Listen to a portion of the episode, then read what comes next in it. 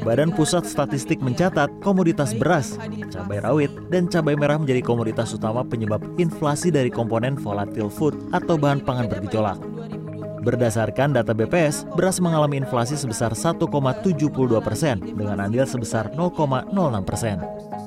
Sedangkan cabai rawit dan cabai merah masing-masing mengalami inflasi sebesar 19,59 persen dan 3,98 persen dengan andil terhadap inflasi masing-masing sebesar 0,03 persen dan 0,01 persen.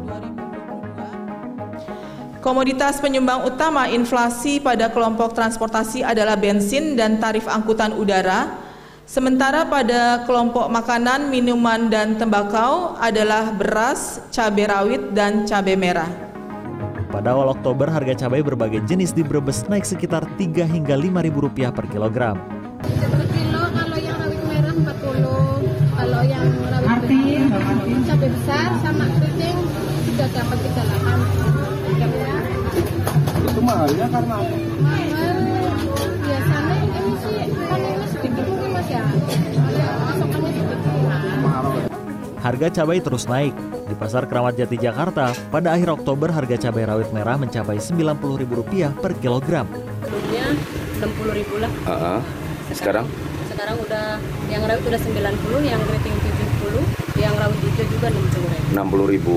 Nah kalau untuk merah ini Yang merah ini 70, sebelumnya sebelumnya dia 50 ribu. 50 ribu. 40.000. Untuk rawit Yang rawit hijau antara 40 sampai 35. sekarang Sekarang udah 60 ribu. 60 ribu.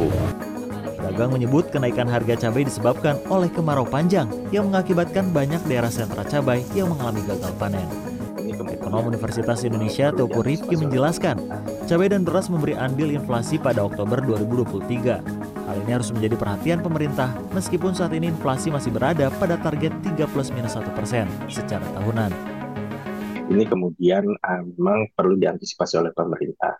Sejauh ini kelihatannya memang uh, inflasi masih cukup baik dan uh, usaha pemerintah untuk menjaga kecukupan stok pangan relatif masih cukup membuahkan hasil karena walaupun inflasi kemudian meningkat di Oktober ini masih dalam target range BI sebesar uh, 3 plus minus 1 persen.